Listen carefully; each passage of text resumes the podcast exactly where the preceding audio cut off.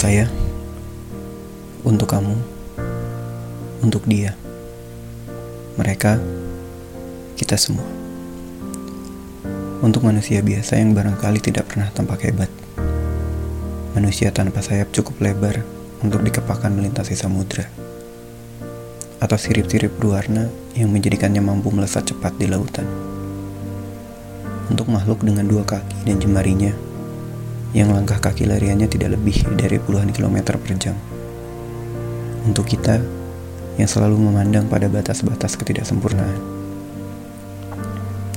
Ya, mau bagaimanapun, kita akan tetap seperti ini. Terkotak pada pemikiran bahwa kita bukan apa-apa dan bukan siapa-siapa.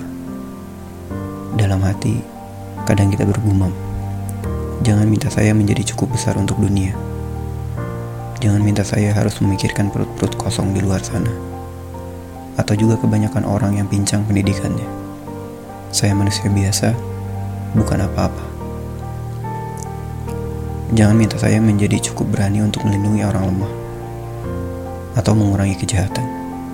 Apalagi harus memikirkan bagaimana ekonomi harus berjalan, serta otak-otak harus cerdas dan luas pemikiran. Saya manusia biasa, bukan apa-apa dan siapa-siapa. Padahal, sebuah ayat dalam kitab yang suci menyebutkan bahwa manusia diciptakan dengan bentuk yang sebaik-baiknya. Juga Tuhan yang Maha Agung menyampaikan firman-Nya bahwa manusia terbaik adalah yang paling besar manfaatnya untuk semesta, untuk sekitar.